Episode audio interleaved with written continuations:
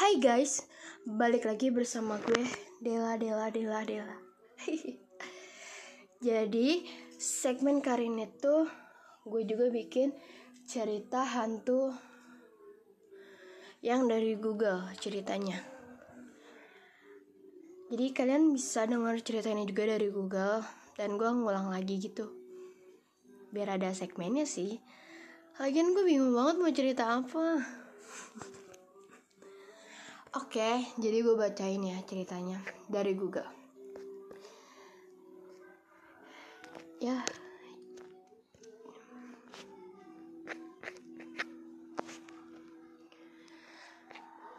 Dari Happy Agus Kurnia. Sekaligus vlogger ini akhirnya menghapus postingan pesan postingannya udah dihapus nih sama dia nih dari Bekasi Bandung. Ceritanya ini panjang banget guys. Jadi kalian harus dengerin terus. Mungkin bisa sampai 20 menit kali gue baca cerita dia.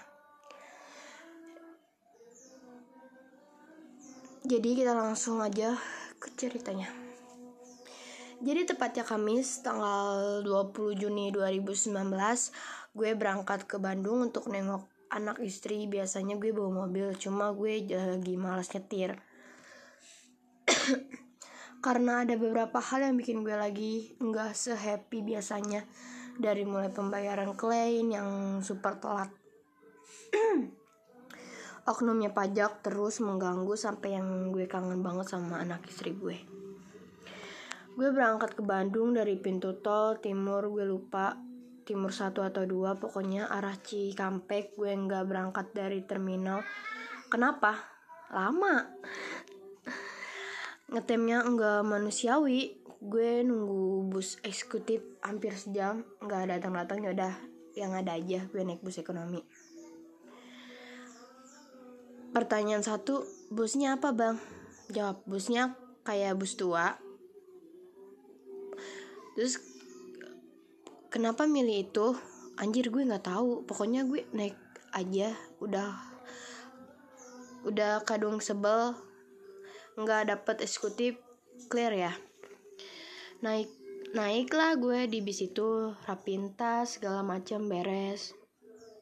Pertanyaan kedua itu supir sama kondekturnya normal apa enggak bang? Semuanya normal. Iya semua normal di awal. Bandung Bandung Bandung. Itu konduktornya ngomong.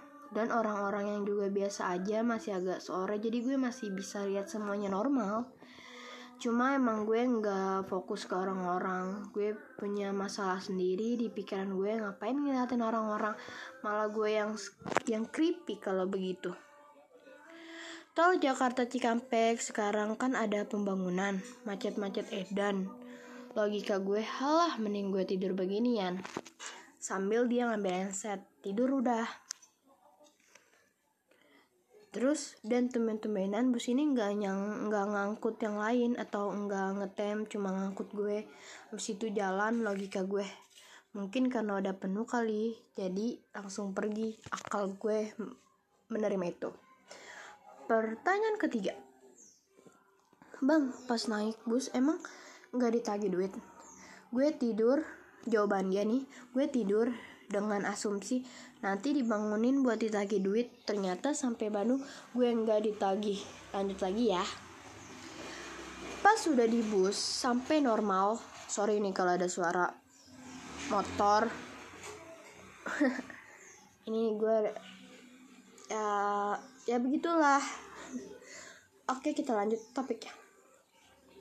Pas sudah di bus, semua normal, nggak ada yang aneh sampai gue tidur. Titik keanehannya di sini. Kira-kira gue tidur dari kilometer 30-an lewat Cikarut sampai keluar Cikampek yang nggak tahu kalau di bus ekonomi itu selalu muter dulu ke Purwakarta abis itu langsung ke Bandung. Biasanya 1,5 jam tuh udah masuk Purwakarta, bus berangkat jam 5. Logikanya setengahnya 7 udah di Purwakarta ternyata gue di Purwakarta sampai jam 8 malam mungkin karena macet gue nggak tahu dah soalnya gue tidur. Pertanyaan keempat bang itu kalau lo tidur berarti lo nggak bisa dong bilang menurut lo nggak ada yang keluar maksud dari bus itu karena lo kan tidur. Dijawab nih sama orang yang lagi cerita itu betul gue tidur gue melek itu pas mau masuk ke Cikampek. Dari sana biasanya banyak yang naik turun ternyata enggak. Ada dan busnya emang cuma lewatin macet. Kalaupun ada yang turun pasti enggak banyak karena kalau turun sebelum masuk Cikampek yang ada wilayah pabrik. Dan yang gue lihat sekilas pas naik itu orang-orangnya bukan pakai seragam pabrik kan atau baju semisal banyak juga yang pakai kemeja kayak batik kaos biasa bahkan gue lihat ada yang masih bawa bungkusan ayam tau gak loh jadul banget itu. Terus ada yang lagi pertanyaan kelima. Sebelum gue lanjut gue minum dulu ya guys.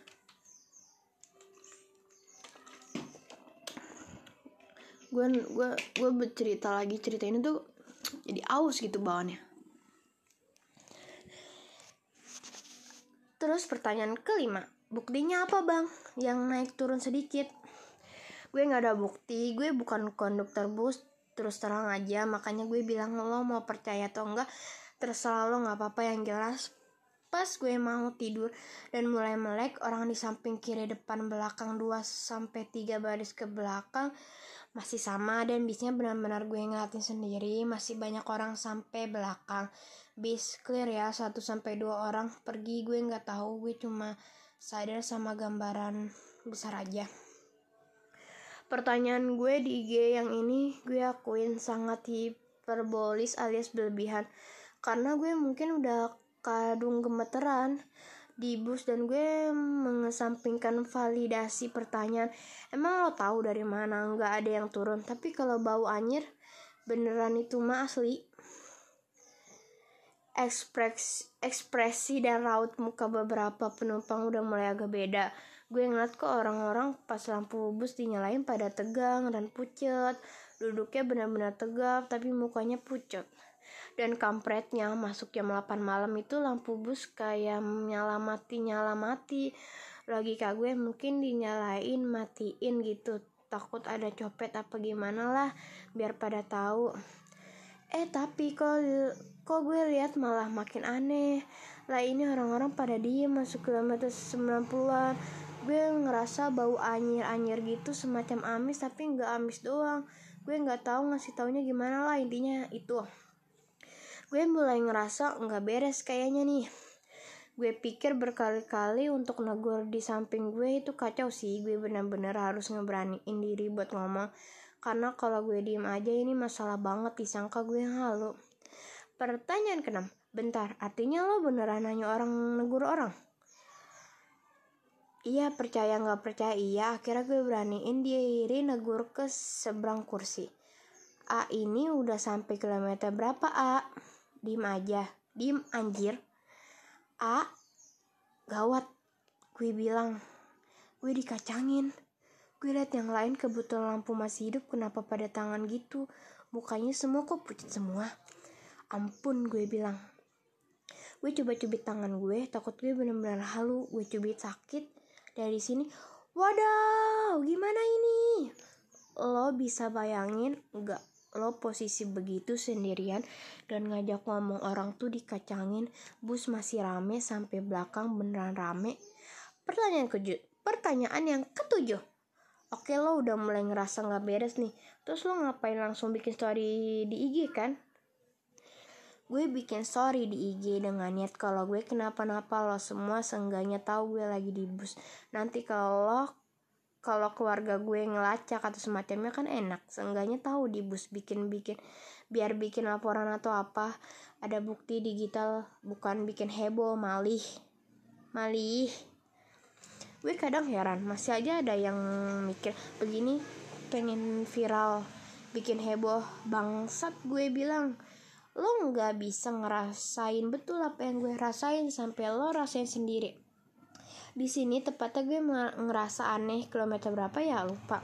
Gue deg-degan setengah mati. Ini bakal gimana gue bakal dibawa ke mana? Tahu nggak apa yang gue pikirin pas lagi kejadian itu? Gue aj gue ajak lo flashback sekali pengakuan diri. Gue skeptis dan ngerandahin hal-hal berkaitan mistis gue nonton horor takut tapi gue nggak suka aja kalau ada orang bilang gue kemarin ngalamin ini ngalamin itu di situ ada orang di gudang itu banyak setan. Gue cuma bilang bullshit banget lo halu. Gue nggak percaya orang indigo gue nggak percaya orang punya enam tahun sense ah. Gue nggak percaya karena bisa jadi yang lu karang-karang lo aja biar kelihatan beda bisa dapetin hati di sosial. Tapi ternyata semua itu berbalik ke gue pribadi. Skeptisme yang gue bangun ternyata diuji langsung dan gue ngerasain ini semua real. Fuck the real. Funky atau fuck sih tuh? Gak tau deh, dam. Dan gue minta maaf buat siapa pun yang pernah cerita horor atau semacamnya. Gue karena sejatinya gue gak pernah dengerin. Gue cuma gak enak aja cabut dari konversi. Gue minta maaf banget gue salah dalam menilai. Gue benar-benar jauh lari dewasa dan gue orang yang terlampau logis. Cerita begini aja udah sampai 11 menit guys. Ini ceritanya belum kelar guys. Eh udah mau kelar sih sedikit lagi. Oke guys ya sabar ya guys. Sedikit lagi. Dan ini gue akan berubah lebih baik dari hati dan akal gue ini kelemahan gue yang harus dibenahi. Sorry ya. Lanjut kita ke busnya. Di bus gue coba setenang mungkin karena gue masih ngerasain bisa jadi ini gue yang halu apa gimana. Tapi ternyata enggak. Sampai gue udah nenggor orang yang juga tetap aja gue bingung sempat terlintas di di kepala gue kayaknya gue bakal diajak muter-muter ini. Udah mau lima jam gak sampai-sampai atau kayaknya gue bakal diajak pergi. Dan diturunin. Diturunin. Di posisi tertentu yang gue hadirin di hati dan pikiran gue adalah gue istighfar gue ngaku salah sama dosa-dosa gue keluarga gue istri dan siapa pun. Gue bener-bener kalaupun ini terakhir gue misalnya hati gue plong gitu nggak bawa apa-apa akhirnya gue coba jadi istri gue. Istri hanya mengatakan banyak-banyak doa sampailah gue turun terminal karena gue nggak ditagih-tagih duit. Gue niat mau bayar. Pas gue pak kiri pak supir ngasih sen kiri. Yang turun siapa? Gue doang. Padahal itu terminal. Malah kagak ada yang turun. Oh mungkin pada mau turun di dalam mungkin gue kasih uang bilang pak punten saya tadi belum bayar. Konduktornya bilang dengan datarnya mangga a turun aja nggak apa-apa. Gue pas turun kaki gemeteran dong.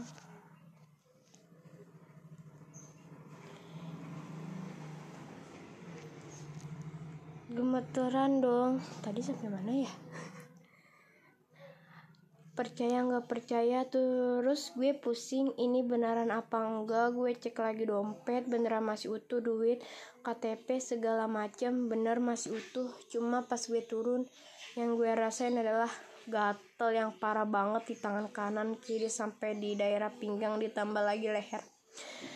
Gue udah obatin sampai hari ini kagak ngilang-ngilang dan setiap malam belakangan ini tangan gue berat banget kayak lagi ngangkat dumbbell mirip barbel tapi pendek pas turun gue udah lupa bus itu gimana nggak tau lah gue yang nggak mikirin yang penting gue selamat. Begitu ceritanya. Jadi guys ceritanya begitu. Kalau kalian sih ada lagi sih di bawahnya. Cuma durasinya udah sampai 13 menit. Mungkin ceritanya sampai segitu dulu. Kesimpulannya sih ya kita juga harus percaya sih sama hal-hal begitu gitu di di dunia ini tuh emang ada. Katanya kalau kata siapa ya? Katanya lima jengkal apa berapa gitu. Katanya itu itu dunia gaib katanya sih tapi nggak tahu juga. Jangan dianggap itu serius ya guys.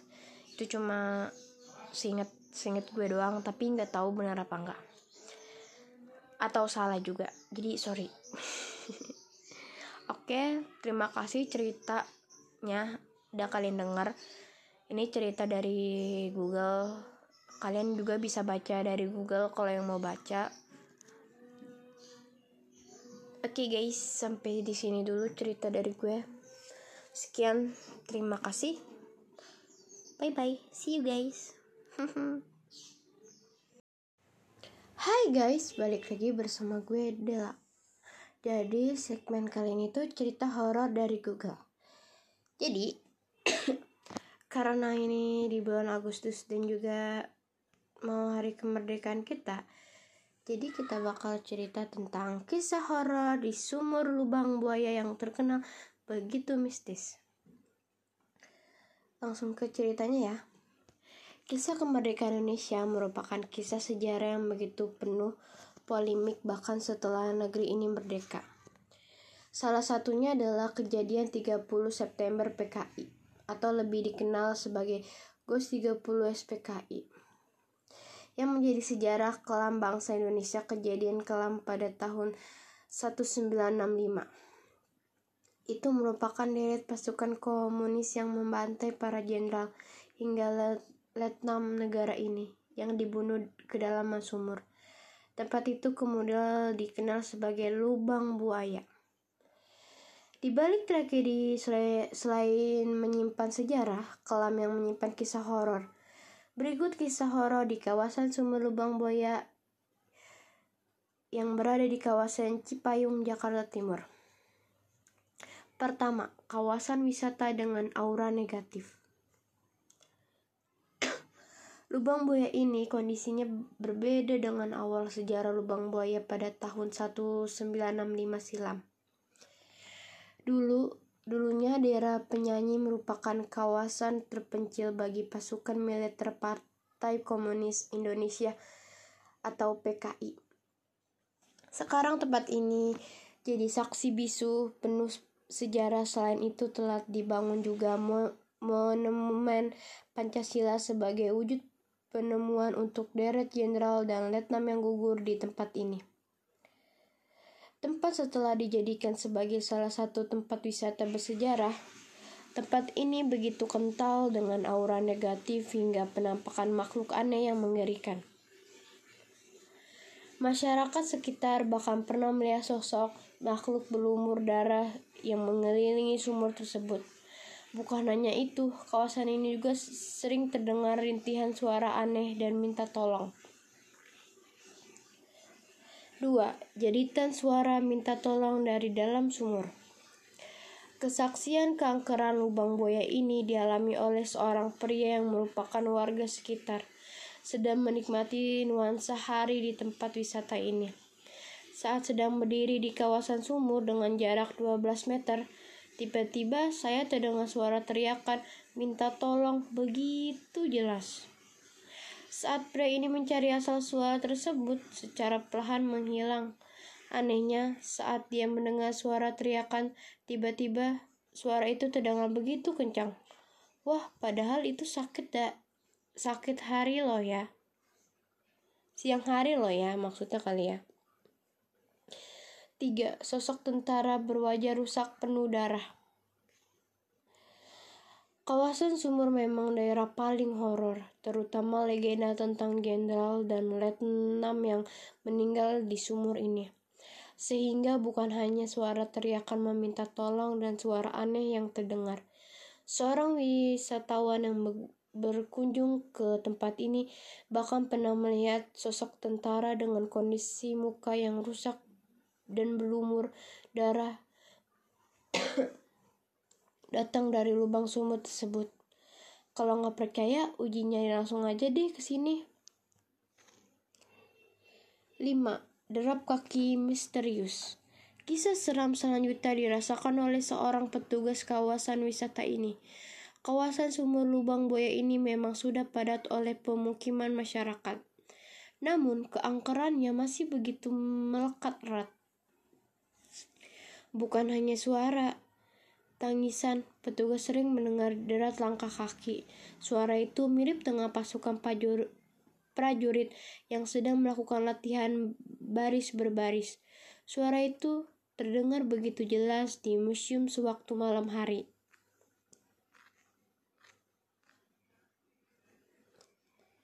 Lima, aroma yang berbeda dalam hitungan detik. Agus Rianto merupakan pria parubaya yang bekerja sebagai penjaga kawasan wisata ini. Pria parubaya ini mengaku sering melihat hal-hal yang tidak wajar dan cukup aneh terutama saat malam hari. Tempat yang dianggap begitu sakral bagi Agus ini merupakan hal yang wajar. Kalau ada suara atau penampakan aneh, hal yang sering dirasakan Agus adalah mencium aroma yang berbeda seperti aroma bau yang terbau eh yang terbawa oleh angin terbawa oleh angin. 6. Kisah keserupan para pengunjung Pedagang gado-gado yang berada di sekitar kawasan ini juga sering kali menyaksikan hal yang aneh. Pedagang yang sejak tahun 1980 pertama kali sering merasakan hal mistis. Kadang ada kelompok abri yang datang padahal museum dan kawasan Lubang Buaya sudah tutup. Begitu juga dengan warungnya. Hal yang sering dia saksikan adalah pengunjung yang tiba-tiba mengalami kesurupan begitu tragis. Pernah ada korban kesurupan yang menangis begitu mendramatisir tapi kemudian diteriaki olehnya.